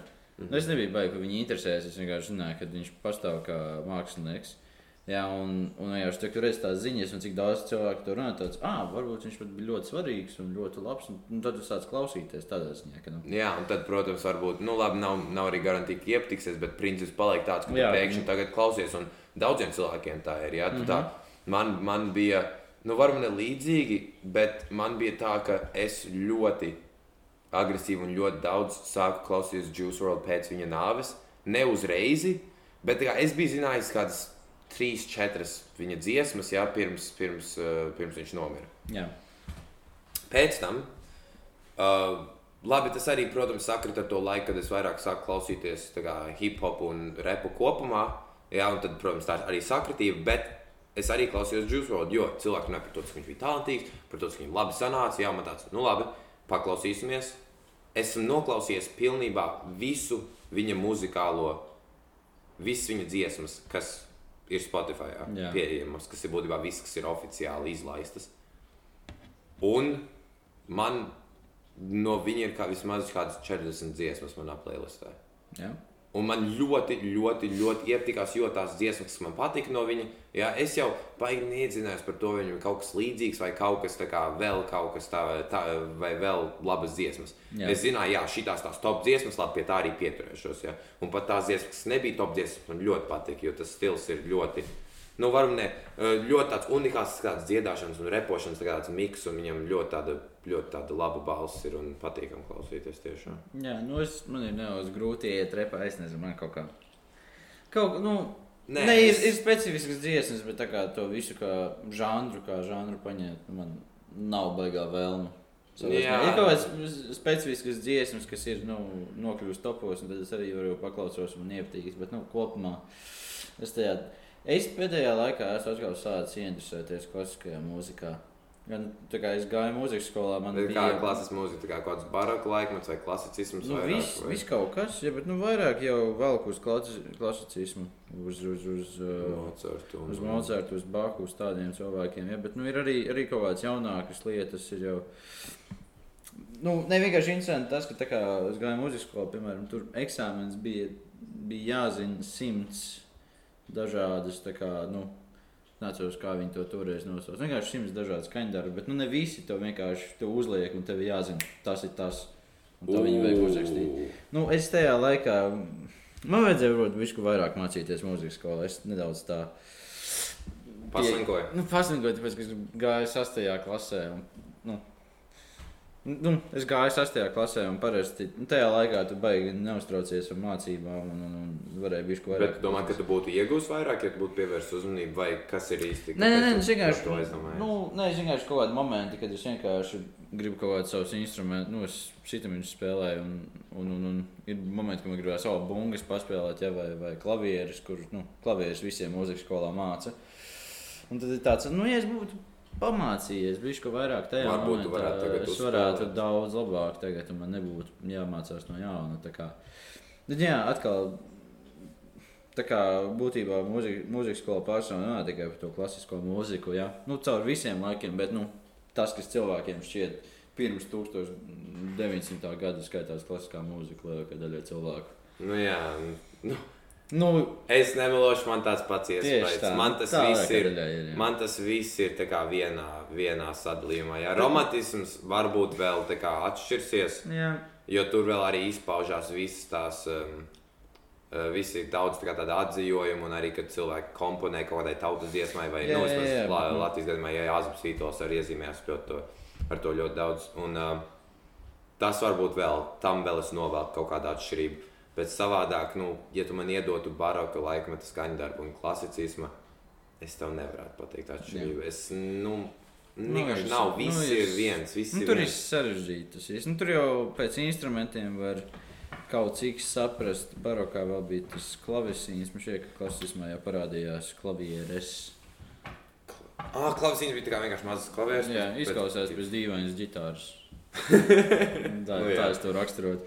Bet jā, nu, ir, ir interesanti vienkārši paklausīties kaut kādas tur daļas no operām, ja, vai kaut kādas simfonijas. Jo, nu, vismaz priekš manis man ir interesanti dzirdēt, tai mūzikai ir tik daudz slāņu. Ak, Dievs, tas ir vienkārši. Nu, nu, Ā, tu dzirdi visu. Tu, dzirdi- tu vari noklausīties vienu to pašu skaņdaru vairākas reizes. Klausoties tikai šoreiz, klausīšos tikai trompetes. Un tu vienkārši dzirdi tās daļas, kur viņi kaut, kur, kaut ko klusu paspēlē, bet to dzirdi. Nu, jā, tas ir tik daudz, tik daudz kaut kāda vairāk instrumentu, kas vienkārši vienam lielai, viena liela bilde uzklājas no pēc būtības. Jā, un tāpēc es dažkārt tā, nu, nerespektēju repu, tāpēc, ka, nu, tur ir. Uh, Nē, jā, nu, vienkārši ir saprotu, ritms, jā. kaut kāda melodija, un, Un kāds kāds, kāds runā. mēģina repot parasti. Mēģina. Nu, jā, nē, Mēģina tur ir. repot. Tur tas vienkārši parāda to, cik ļoti mūzika ir mainījusies. Jā, Lai, Es- es, pat neteiktu īsti, jo tagad vairāk ir par to. Nu, es nezinu, jo atkal māksla ir tāds jēdziens, kas mūžīgi mainās. jā. Ja neviens nekad nav spējis definēt mākslu, neviens arī ne, nespēs, nespēs definēt mākslu. Un tas, ka tas tik ļoti mainās pa, pa, pa visiem gadiem, jā, arī to pierāda ļoti labi. Jo tev tagad, tev, tagad tev māksla, pieņemsim, var būt vienkārši, nu, tā kā es domāju, glaznošanas ziņā, var būt balta lapa, bet pirms 200 gadiem tev māksla bija kaut kāda baigi forši, baigi forši kaut kāda, kaut kāda Nu, jā. pļava Jā. uzzīmēta. Tā kā, nu, nu, tā kā ar, ar reālu tehniku. Like, be, mazāk ideja, bet vairāk tehnika. Jā, ka vienkārši kaut kas ir ļoti skaisti attēlots, pieņemsim.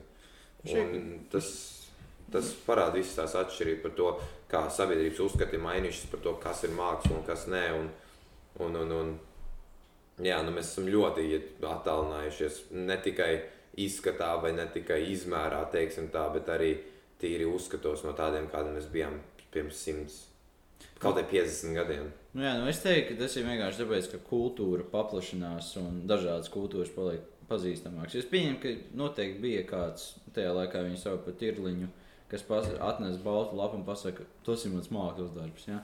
Nu, nu, visiem būtu tāds, nē, tas nav mākslas darbs. Mākslas darbs ir šis, un tad Jā, jā tā, tā izskatās māksla. Ja tā pļava ir māksla, un vienkārši tā mākslas definīcija paplašinās līdz noteiktam brīdim, kad jebkas var būt māksla.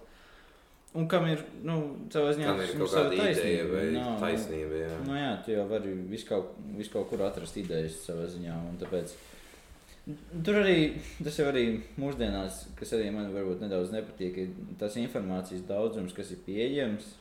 Dažbrīd nu, rada arī to, tās visas problēmas. Nu, gan arī, ja mēs runājam par politiku, gan par covid.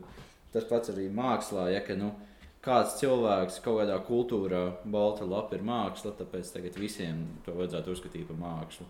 Kaut kur, es nezinu, cilvēki, cilvēki zīmē nezinu, tikai rozā krāsām, tā ir māksla. Arī mums tagad tā būs māksla. Vienkārši kultūra Jā. izplatās tik plaši, Bet tagad tur- tev ir jāzina būtībā visu, visu tautu kultūras, lai, nu, Lai izprastu. lai to, izprastu. kā- Bet tajā pašā laikā nu, tas ir ļoti iespējams. Ja tev nav jābrauc uz Indiju, lai saprastu viņu kultūru, tu vari vienkārši pamācīties par to un internets. Nu, Nu, jā, nu, ziņā internets tā kā uzreiz savieno, uzreiz savieno visu pasauli.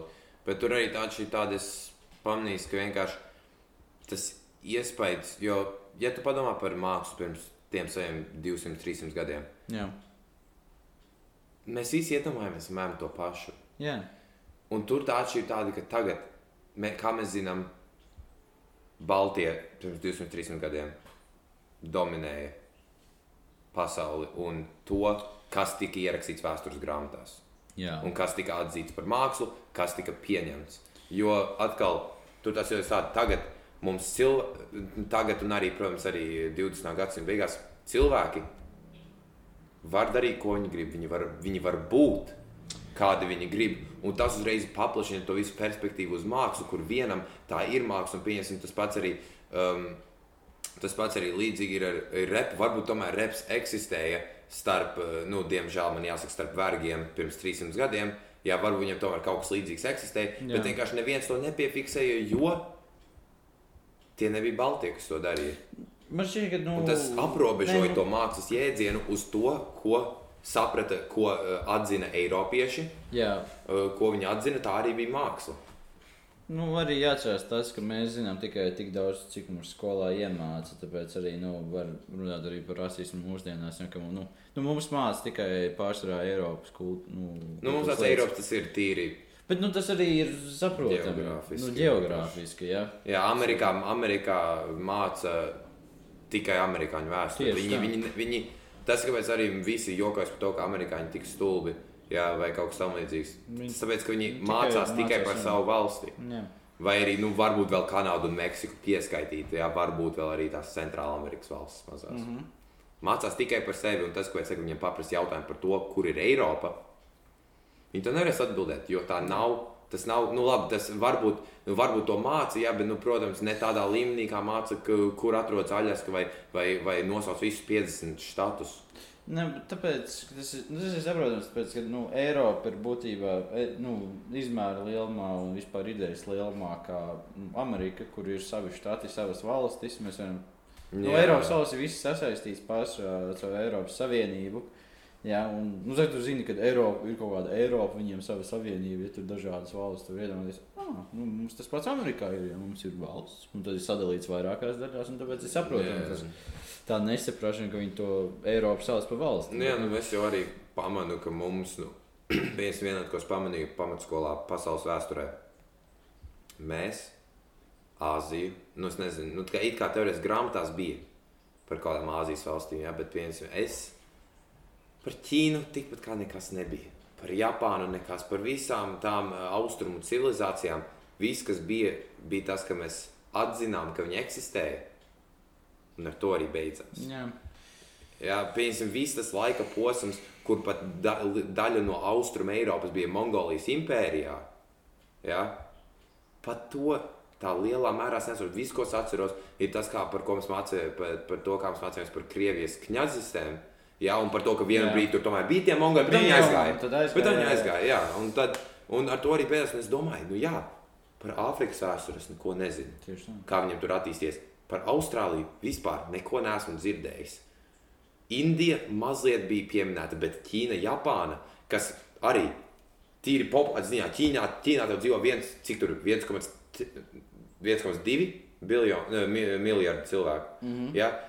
Viena septītā, viena astotā daļa no visas pasaules iedzīvotājiem tev dzīvo Ķīnā, bet mums mēs neapgūstam viņu kultūru, un mēs neapgūstam, labi, protams, mums nav tā liela vajadzība, ja mēs dzīvojam Eiropā. Jā. Bet mēs neapgūstam un mēs neatzīstam viņu vēsturi. Tad, protams, un tad vēl to kāds pārācās uz Ķīnu un neko nezina.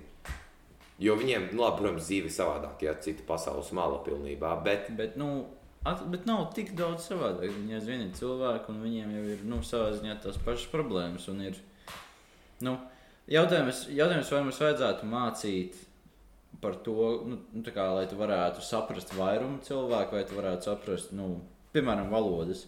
Ja vajag gudrāk mācīties kaut kādu spāņu valodu, kas nu, varbūt mums ir tālāk, bet savā ziņā vairāk cilvēki runā spāņu valodā. Mm. Vai arī nu, turpināt mācīties krievu valodu, kas mums ir noderīga kā latviešiem, bet nu, reāli nu, Bet, nu, reāli tev, tev, tev, tev, implementācijas tev ir Krievija un visas bijušās padomju savienības Bet ilgi vairs nebūs. Saprot, ar laiku jau tas izmirs. un vienīgi Nu, ar laiku, jā, bet, nu, pieņemsim, es zinu, ka Igaunijā uh, esmu pamanījis, tik daudz cilvēku runā krieviski. Tā kā jebkuri iebraucēji, ja, ja tu esi iebraucējs un tu māki krieviski un angliski, esmu redzējis, ka cilvēki runā vairāk krieviski. Lai arī tik šovasar es braucu uz Igauniju, jo no turienes man bija uh, prāmis uz, uz, uz Zviedriju. Es redzēju, kā tur daži, uh, kā tur daži cilvēki savā starpā runāja. Uh, runāja uh, nu, ang, nu, vārds sakot, mācīja runāt angliski. Viņi bija runājuši angliski kā ar kādu citu tur turistu, ja? bet tad piegāja klāt pie uh, kases, lai nopirktu biļeti prāmim, sāk runāt krieviski. Jo viņiem ir tāds uzskats, un arī Igauni ļoti labi saprot krievu valodu. Jā, nu, es atceros, ka es nezinu, es, es atceros pirms kādiem trīs gadiem. Ā, Bija ziņas, ka Igaunijā parādās viņa pirmais krievu valodas kanāls. Ja? Un tāpēc ir tā interesanti padomāt, vai viņiem tā valoda nāk atpakaļ, vai arī viņi vienkārši cenšas ignorēt to ā, krievu valodu, krievu valodīgo nu, runātāju skaitu. Es Nu, īstenībā sapratis, jo Latvijā mēs tā ļoti nu, tolerējam visus. un Ļoti mūs tolerējam. Uz, nu, pārāk daudz tolerējam, manuprāt. Man arī tā liekas, jā, tur ir. Nu, ir mazliet tā, ka, nu, pagaid, cik mums sanāk, kādi 20, nē, nē, nē pagaid, 30% krievu, krievu, nu, kā krievu valodīgie mums ir. Man šeit bija 25. 25, nu, labi. Iespējams, es nezinu. Var sakot, pietiekami liela daļa. Jā. Un, protams, jā, tas sastāda mūsu iedzīvotājs, jau ar mazāk iedzīvotājiem būs mazāks darbs, tā tālāk. Jā, es nerunāju par to, bet es runāju par principu, ka mēs esam tik ļoti to tolerējuši. Mums ir krievu skolas, krievu kanāli. Jā. Ir pat reizes, kur es ienāku veikalā, jā, un man nevis pasaka labdien, bet pasaka dobrī dien. Jā. Krieviski uzreiz. Un es tad sāku domāt par to, vai mēs tiešām dzīvojam Latvijā. Jā, ta, tas man visvairāk besīk, ka, piemēram, kāds cilvēks, nu, piemēram, autobus pietrāva papšīt vai autobusu vai aizbrauc vai cik ir pulkstenis. E, Viņi nemēģina kaut kādā, kaut vai sliktā latviešu valodā papšīt. Viņi vienkārši pat aizsno prasa krieviski. krieviski. Laiž krieviski, nu, nu, Nu, tā kā- nedaudz, šķiet tā, nu, Ne, Es saprotu, jā, nevajadzētu apspiest to. Tā ir viņu dzimtā valoda, jā, protams, viņi runā dzimtajā valodā, bet atkal valsts valoda ir latviešu.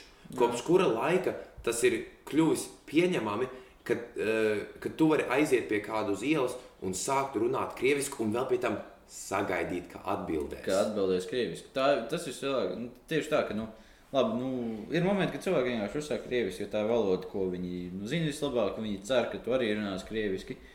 Jā, bet nu, ir, ir, labi cilvēki, kas uzreiz pārējais latviešu valodu, tā viņi saprot. Bet ir cilvēki, kas vienkārši oh, tu, tu viņu zināji, ok, labi, nu, aiziet. Tu vienkārši aiziet no paprasta kādam citam to pašu, ko tev tikko prasīja. Jā.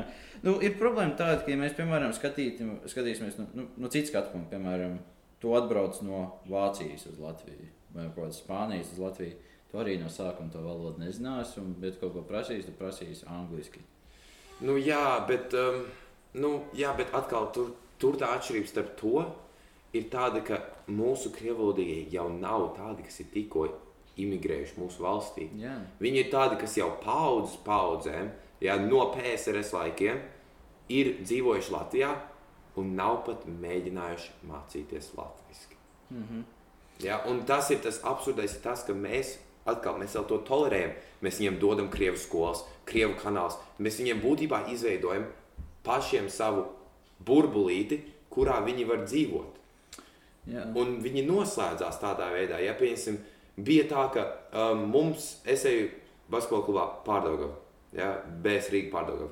Mums pagājušajā gadā, nē, aizpagājušajā gadā, bija trīs pārdaugas komandas. Bija pirmā, kas bija vislabākā, otrā, kas bija tie, kas bija man, nu, trešie gadi, gadu jau vecāki. jā. Un tad bija trešā pārdauga, kas trenējās Zolotūdē. It kā labi, trenējās Zolotūdē.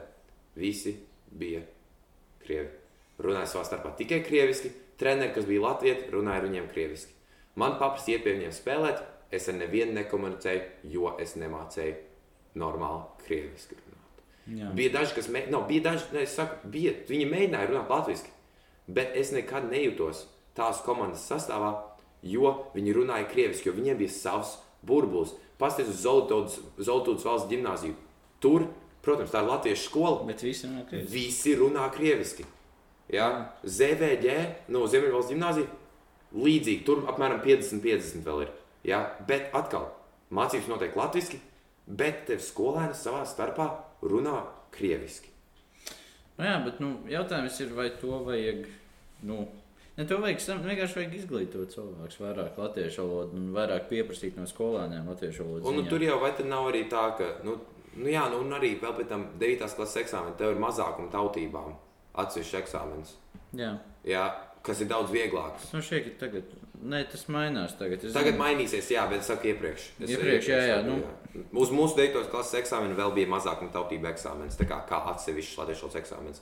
Ja mums bija tur baigta kaut kāda lasīšana un valoda, ja, tad viņiem bija ļoti primitīvs variants uz pusi īsāks, Jā, jā, jā, tā bet tikpat ilgs laiks, lai izdarītu. Jā.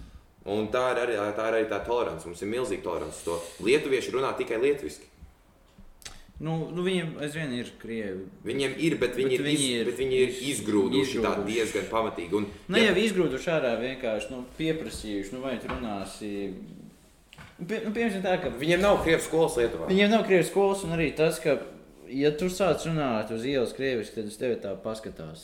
Jā, jā tāpēc lietuviešiem tur, Latvijā tev tur ir, lietuviešiem ir cik gandrīz 90% lietuviešu. Lietuvieši, kas runā lietuviski, nu, Jā. tīri lietuvieši. Un tas tur izpaužās tas, ja tu, neesi, to, ja tu nebūsi tolerants pret viņiem, tad tev notiks tas pats, kas notiek Lietuvai. Kas, manuprāt, ir tas pareizākais. Nu, jā, bet arī jāatcerās tas, ka nu, tie cilvēki aizvien ir latvieši. Vienkārši Jā, nu, runā protams, jā. krievis, tā jau ir vienīgā. Nu, bet atkal, tur atkal tā lieta par to valsts pirmā valoda ir latviešu. Kāpēc mēs vēl runājam krieviski? Mēs neesam jau 30 gadus padomju savienībā. Nu, Tas ir Un mēs vēl runājam nu, krieviski. nu, nu, no viņa puses viņiem būs jautājums. Mēs bijām padomju savienībā, visi runāja vienā valodā. Kāpēc nevaram Čozāk tagad? Jā. jā, kāpēc mums tagad ir divas valodas? Nu, kāpēc? Nu, kāpēc? Nu, kāpēc mēs nevaram visi runāt krieviski kā kādreiz? Kā kādreiz, jā, kādreiz Nu, nu, bija salēdāti, viss bija vienā Visi, līmenī. jā. Jā. Visi, visi zināja, kas jādara. Tagad, kāpēc tagad vajag man latviešu valodu mācīties? Es tāpat sēžu savā mājā, jā, man ir 60 gadi, skatos krievu kanālus, aprišķi man tagad mācīties latviešu valodu. Nu, saprot, tur, tur jau ir tā lieta, nu, atgriežamies pie tiem pašiem burbuļiem. Nu, viņi var dzīvot tur priecīgi. Ja viņiem ir laba dzīve, ja viņiem neviens netraucē, tad, protams, viņi neko nemainīs. Viņiem tas ne... Viņi var dzīvot savā ķēngaraga čūnī priecīgi par to, ka viņiem nav jāzina latviešu valoda. Viņi var aiziet uz veikalu, pateikt, zdravstvīt, un viņiem pateiks to pašu pretī. Nu, nu, problēma jau ir tāda. Kā, kā to nu, apkarot, kā to mainīt? Redz, tur jau Nu, jā, nu, tur tā problēma tāda, tu nevarēsi to mainīt bez tā, ka tu vismaz vienu paudzi pilnībā sačakarē. Nu, ar to, ka, pieņemsim, ja mēs kaut kā ņemam to pašu primitīvāko, netaisīt krievu skolas, nu, tā kā tādus, kur var mācīties krieviski. jā. Ja tu to dari, tu būtībā visus skolēnus, kas tur ir, izņemot varbūt kādas pēdējās klases vai pašas pirmās klases, ja viss ir pa vidu kaut kāda trešā līdz desmitā klase, jā. tu viņus pilnībā izčakarē ar to, ka viņi tagad ir īpaši 10, 9, 8 klase. Viņi visu savu mūžu mācījušies, krievi, mācījušies krieviski. Viņi, protams, zina kaut kādu latviešu valodu, jo nu, tu dzīvo latviešu sabiedrībā, kaut ko tu uztver. Bet viņi visu savu dzīvi mācī, mācījušies krieviski. Un tagad viņiem spiedīs savus atlikušos skolas gadus, jā, vai tie ir 3, 4 vai 5 atlikušie gadi. Tu viņiem tagad liksi mācīties kaut kur citur un vēl pie tam mācīties latviešu. Protams, ilgtermiņā tas novadīs pie tā, ka atkal uh, vairāk cilvēku runās latviešu. Mm -hmm. Bet uz doto brīdi tu tik daudziem cilvēkiem izčakarēsi to dzīvi, ka vienkārši tas, kāpēc cilvēki to nedara, tas, kāpēc neviens nepieņem lēmumu par to arī. Es jau nesaku, man nav, man nav sliktums no tā, ka cilvēki runā krieviski. Vienkārši gribētos tādu saliedētāku, kopīgāku sabiedrību, tādu tīru. Latvijas sabiedrība, es saprotu, ka es neesmu cilvēks, kas var komentēt, jo es Nu bieži jā. runāju angliski. Un es bieži maisu valodas. Bet- Bet, Bet ja man vajag, tad es vismaz māku runāt latviešu. Nav runa par to, ka tev tas ir jādara visu laiku, bet ir runa par to, ka tavs, tava pirmā doma ir ar kādu uz ielas runāt latviešu, Tieši nevis krieviski. Un izveidot tādu patīkamāku atmosfēru visiem. Nu, es domāju, ka vienkārši, nu, ko mums vajadzētu sasniegt, ir, ka visi runā latviešu, arī krievi ar akcentu runā latviešu kaut vai savā starpā. Nu, tas ir tā. Es, ne, es nezinu, vai to varēs tik viegli sasniegt. Es domāju, tas ir laika jautājums. Uh, bet nu, vislielākā problēma ir tāda, es, ne, es nezinu, vai kaut kas mainījies, bet, piemēram, tagad ir kaut kāda nu, sociālajiem mēdījiem. Kā krievis, tu jau vari vienkārši skatīties krievu YouTube. Tev nevajag. Nu, Jā. tu vari. Tev nav jāpielāgojas. izklaidi, Tev nav jāpielāgojas. dzīve ir laba. Dzīve, jā, nu, es pieņemu, ka varbūt vienkārši angļu valodas popularizēšana un vispār nu, izplatība palīdz nu, ar šo tik galā. Jo es, piemēram, zinu, ka, piemēram, kaut kādi krievi manā ciematā, nu, es nemāku krievu valodu labi, viņi nemāku latviešu valodu labi. Un tad vi- vienīgā valoda, ko mēs apmākam, ir angļu.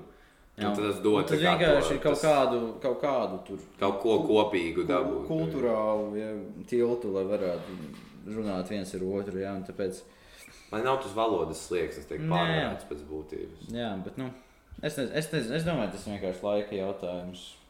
Kaut kad. Un tur jau, protams, varbūt arī mēs neko par to nedarīsim. Un, protams, nav tā, ka es tagad baigi to visu principu ienīstu, jau nav tā, ka es nevaru dzīvot dēļ, tādēļ.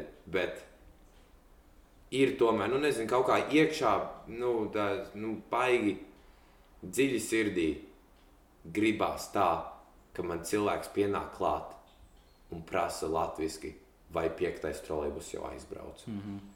Nevis prasa, pjāķis troļļai būs, uh, ieģit uz priekšu vai kaut kas tamlīdzīgs. Nu, man nav krievu valoda, man nav pietiekami laba krievu valoda, lai kaut ko tādu pateiktu, bet, nu, principā, tā paliek. Un tu nezini, cik daudz reizes esmu mocījies mēģināt. Ir tā, jo, protams, ja tev kāds prasa krieviski, tu mēģināsi, tu, e, man ir tā, es mēģinu atbildēt krieviski apakaļ. Bet atkal- Es zinu, ka es pats esmu Nu, jā. vainīgs pie tā. Bet arī ir tā, nu, man tā sākumā bija, es tagad vienkārši runāju latviešu pretī, ja nesaprotu, nu, pats vainīgs. Bet man bija tā sākumā, kad es sāku mācīties krievu valodu, 6. 7. klasē. Ja man kāds paprasīja, es arī gribēju lietot to, ko es tikko esmu uzzinājis skolā. Un tad es mēģināju kaut kādu teikumu izspiest. Parasti teiktu, ko es izspiedu, būtu Jaņa Znaju, Ruski jazik. Un uh, es nezinu, krievu valodu, un ar to arī beigtos tā, tā visa saruna. Bet um, atkal, es vēlos būt pieklājīgs. Un, protams, tev ir jābūt, bet tev ir jābūt nepieklājīgam, ja tu gribi nu, būt uzstājīgs par to, ko tu gribi panākt valstī. Jā, jo atkal no viņu skatu punkta. Nu, viņi pajautā, viņiem laipni atbild krievu valodā. Kāpēc viņam tagad vajadzētu mācīties latviešu valodu? Jā, Ja viņam nav nekā, ja nerodas nekādas problēmas, tad kāda jēga kaut ko mainīt? Nu, kur... Nē, nu, bet galvenais jāatcerās, notiek pārmaiņas. Tagad man šķiet, ka visi, visi, visi nu, visiem jāliek viens eksāmens, jā, un visiem ir viens latviešu valodas līmenis. Kā, nu, savā ziņā viņi jau var runāt krieviski, cik viņi grib. Vienkārši galvenais, ka nu, viņi zina Galvenais, ka priekš zina. eksāmenu līmeni. Jā. Bet nu, es nezinu, es pieņemu, ka tas latviešu valodas eksāmenis ir salīdzinoši viegls. Um, Mm, gan jā. Gan jau, es domāju. Es, ne, es nezinu, nu, jāapskatās, kāds 12. klasē ir eksāmenis. Jo tur, tur ir kaut kāds minimums, man šķiet, 40%, 40% vai cik tur vajag, lai, Lai- diplomu. Manuprāt, nebija 40. Varētu būt 40. Nē? Man liekas, ka bija mazāk. Mazāk?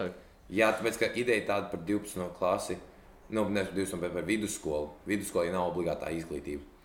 Tā nav izglītība. jā, bāc. Un tad ir jāatcerās, to, ka Au. 9. klasē ir grūtāk nobeigt 9. klasi nekā 12. 12. protams, tagad, beidz 12. to vairāk skatīsies universitātes. Jā, un tad tu arī gribi beigt labi, lai universitāte saka, ah, nu, forši, labs rezultāts, ja mēs tagad tevi gribam mūsu skolā. Bet vidusskola nav obligātā izglītība. Tā nav pamata Jā, izglītība. nē, tas, tas, ir- tas slieksnis, lai beigtu tur ir, es negribu tagad baigi melot, bet nav vairāk par 25% tas slieksnis. Tur tiešām ir neiespējami nenolikt to eksāmenu. Varētu būt, jā. Nu, tas ir, Tev vairāk cilvēki nenobeidz 9. nekā 12. nu, tas ir traki, jā. Bet, nu, atkal, jā, pamat izglītība ir 9 klases. Tad kāpēc, tad kāpēc Kāpēc? neobligātai izglītībai jābūt grūtākai, lai noliktu nekā pamat izglītībai? Jo pamats ir tas minimums. Minimums ir jāsasniedz. Ob, neobligātais nav obligāti jābūt perfektam. Mm -hmm. Ja tur atkal tā lieta tāda par to, ka minimums, kā, ja tu dari kaut kādu darbu, tu dari pareizi, ja tas ir obligāts. Mm -hmm. ja tas ir neobligāts, tad tev ir vienalga par to, cik tev ir galvenais, ka tu viņu izdari. Tas tas princips 12. klasē. Vienalga, cik tev ir, nu, labi, ir kaut kāds, protams, slieksnis, jā, bet vienalga, cik tev ir. Fakts, ka tu dari neobligāti kaut ko, jau tev ir ķeksītis. Nu, bet, nu, ir grūti skatīties uz vidusskolu kā tādu neobligātu. Nu, jā, nu, mūsdienās, jā, jā, tas ir salīdzinoši obligāti, ja vien tu negribi būt baigais frizieris. Jā, nu, tur ir tā kā, nu, jā, nu, atkal tev ir kādreiz, jā, un tas, ko es arī par šo vienreiz runāju ar, ar ģimeni pēc 9. klases izlaiduma. Es prasīju, kāpēc visi cilvēki tik ļoti par to trako. Es vēl trīs gadus tagad tieši skolā. Turpinās, mē, Jā, es vēl tur nekas nav beidzies, bet cilvēki uzdās tā, it kā beigt 9. klasi ir baigais sasniegums. Un es saprotu, to, ka tas ir iegājies no laikiem, kad nobeidzot 9. klasi, tu skaities izglītots, un tad tu vari braukt atpakaļ uz savu fermu un strādāt. Jā, Bet, ka tev ir izglītība, ja tev gadījumā viņa vajag. Un tur ir tā atšķirība, ka 9. Kla 9. klasē beidzot latviešiem tik un tā joprojām ir svētki. Tas ir, tu esi pabeidzis pamat izglītību, jā, un, protams, tas ir kaut kāds atskaites punkts. nu, jā bet Es nesaku, ka tas nav, bet tur tā atšķirība tāda, ka tas tiek atzīmēts it kā, lai 9. 9. klasi beigt, tiek atzīmēts tikpat daudz, cik 12. Nu, jā, bet nu, nu, atkal, jā, ja tu esi kaut kāds zemnieks, nītaurē, ja tu jau tev neko vairāk tiešām nevajag. Ja tu, ja tu turpini strādāt ģimenes nu, farmā, ģimenes biznesā, turpini, tad nu, kāda jēga no tās vidējās izglītības un augstskolas? Nu, arī, jā, nu, tur ir. Un, nu, jā, nu, tur tas princips, tā ka la- dzīves jēga uzreiz mainās. Saprot, viņiem nav uzdevums. Jā, tu jau viņi ej- zina, ko viņi darīs. Tu ej vidusskolā, lai ietu universitātē pēc būtības. Ziņā, jā. Tā reāli. Nu, labi, tagad, labi, protams, tagad vidusskola ir kā tāds. Ir būtībā arī ar to, ka 9, 9 klases ir tas minimums, jā, tā pamatizglītība. Toties div, tie ir tādi, nu, sabiedrībā tāds iespējas, ka 12 klases ir tāds reālais minimums, jā. ko tagad cilvēki mācās. Bet kādreiz atkal tu gāji uz vidusskolu, lai ietu augstskolā. Un tā ir tā šī tas, ko arī pamatskola ir pamati. Vidusskola ir tas, kas ir starpā, ja, lai sagatavotu tevi augstskolai, un augstskola ir tā augstākā izglītība, ko tu vari sasniegt. jā. Un tur ir tā atšķirība. Skolās, atkal latvieši mēs runājam, kādreiz bija zemnieki. Ja viņi tiktu vispār kaut kur mācīties, jā, viņi brauktu apkārt pēc tam Jā, jā. uz, uz savu lauksētu. Mums arī vajag atcerēties to, ka nu, mēs esam tādā nedaudz privileģētā pozīcijā. No Rīgas valsts universitātes gimnāzijas, ja runājot tā viegli teikt, nu, kas Nu, tur protams, tik grūts. jā. Jā, piemēram, zinu, es runāju ar uh, frizieri, un ko viņi teica, piemēram, viņa pēc pamatskolas aizbēga ar savu kaut kādu draugu, tur padzīvoja kopā. Ja? Vienkārši pilnībā ignorēja vidusskolu. Tad kaut kā sāka strādāt policijā. Jā, un, nu, viņi kaut kad pēc pieciem gadiem pateica, nu, tev vajag vidusskolas izglītību. Ja? Un tad vienkārši viņi kaut kādā vakarskolā tā, nu, mierīgi dabūja vidusskolas izglītību, tā bišku mācoties. Nu, vienkārši galvenā, galvenā lieta ir daudz cilvēku, kas vienkārši, nu, kuri uzskata, ka tas ir nevajadzīgi, un arī savā ziņā viņi, viņiem, var normāli, viņiem būs normāla karjera ar to, lai arī cik, nu, Nu, jā, nē, nu, es saku, vienkārši tas ir. Tas ir vairāk tas sabiedrības iespējas. Ka tev, ja, tev, ja tev lielākā daļa no cilvēkiem mācīsies vidusskolā, jā, tad tas tā arī kļūs par tādu normu. Nu, jā, bet nu, atkal jāatcerās, ka, nu, ja tu esi kaut kādā, Daugavpils nostūrī, tu jau tiešām, tev tiešām to nevajag. Tu vari dabūt darbu mierīgi ar pamatskolas izglītību, varbūt jau sāc strādāt Protams, 12 jā. gados savu tēta metalurģijas jau vai jā, jā. Nevar zināt. Tā kā es domāju, ka, nu, ir pārsteidzoši tas, cik ļoti arī pašā Latvijā atšķirās tās visas kultūras un, un, un cilvēku līmeņi un uzskati un tāda, tādā tādas lietas. Ja mēs tā, nu, Un Tā ir tā mūžīga attīstība. vienkārši. Nu, jā, bet mēs vienkārši esam savā, arī, mēs arī esam savā burbulī ar salīdzinoši gudriem cilvēkiem apkārt. un Daži bija to aizmirsti, to, cik daži cilvēki apkārt ir. Nu, es, Don't say it. es nezinu, kāds tas politiski pareizs vārds. Nu, Vārds sakot, mēs esam atmosfērā, kur mācīšanās tiek atbalstīta ar Atbalstīt, vislielāko jā, jā. prieku. Jā, un, protams, mums ir jāatcerās, ka ir vietas, kur mācīšanās ir vairāk kā tāds nu, atkal, pienākums, kur cilvēki aiziet, izdara pašu minimālāko, ko vajag, Jā. jā, un dodas mājās. Mm -hmm. Un, protams, man nav nekas pret to.